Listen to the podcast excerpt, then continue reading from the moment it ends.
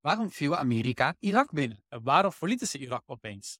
Waarom vormt de Sahel zo'n groot risico voor Europa? En zal India toch nog cruciaal worden voor de Nederlandse veiligheid? Staan Algerije en Marokko op rand van oorlog met elkaar? Zal China Amerika toch nog verslaan? Gaat Turkije dan toch de NAVO verlaten? En wie zal de oorlog overleven? Poetin of Oekraïne? Wil jij antwoord op deze vraag hebben? Beluister dan de podcast Geopolitiek Nu. Abonneer je en neem afscheid van je ongeïnformeerde zelf.